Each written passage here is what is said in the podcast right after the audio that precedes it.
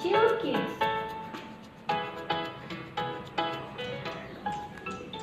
Oke, Argon dan Senon. Bagaimana? Sudah disimak video dari Pak Jumadi dan juga Pak Ubed? Wah, ternyata Masya Allah Rasulullah itu uh, ketahuan ya sekarang kenapa bisa memiliki tubuh yang kuat, yang sehat, cerdas, dan selalu ceria.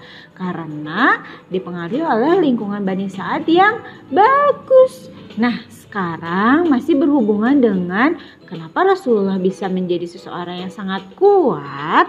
Ternyata di Bani saat itu lingkungannya itu sangat bagus, memiliki perbukitan sehingga ketika Rasulullah kecil itu banyak beraktivitas dan lingkungannya yang bagus maka fisik Rasulullah pun terbentuk menjadi sosok yang sangat kuat. Nah, kira-kira kalau dihubungkan dengan nilai tempat, bagaimana ya jadinya? Simak videonya ya. Semangat!